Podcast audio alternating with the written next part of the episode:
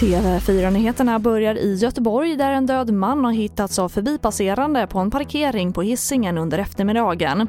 Mannen som är i 75-årsåldern har skador som gör att polisen inte utesluter brott och utreder därför händelsen som mord. Det skriver polisen på sin hemsida. Och i samband med att polisen i Stockholm identifierat åtta kriminella nätverk i regionen som man säger är de mest våldsdrivande har antalet personer som vill lämna kriminella nätverk ökat, det rapporterar SR. Och biträdande regionpolischef i Stockholm säger att en anledning kan vara att det finns flera gängledare bland de hundratals som sedan årsskiftet sitter häktade efter att polisen jobbat fokuserat mot de här nätverken.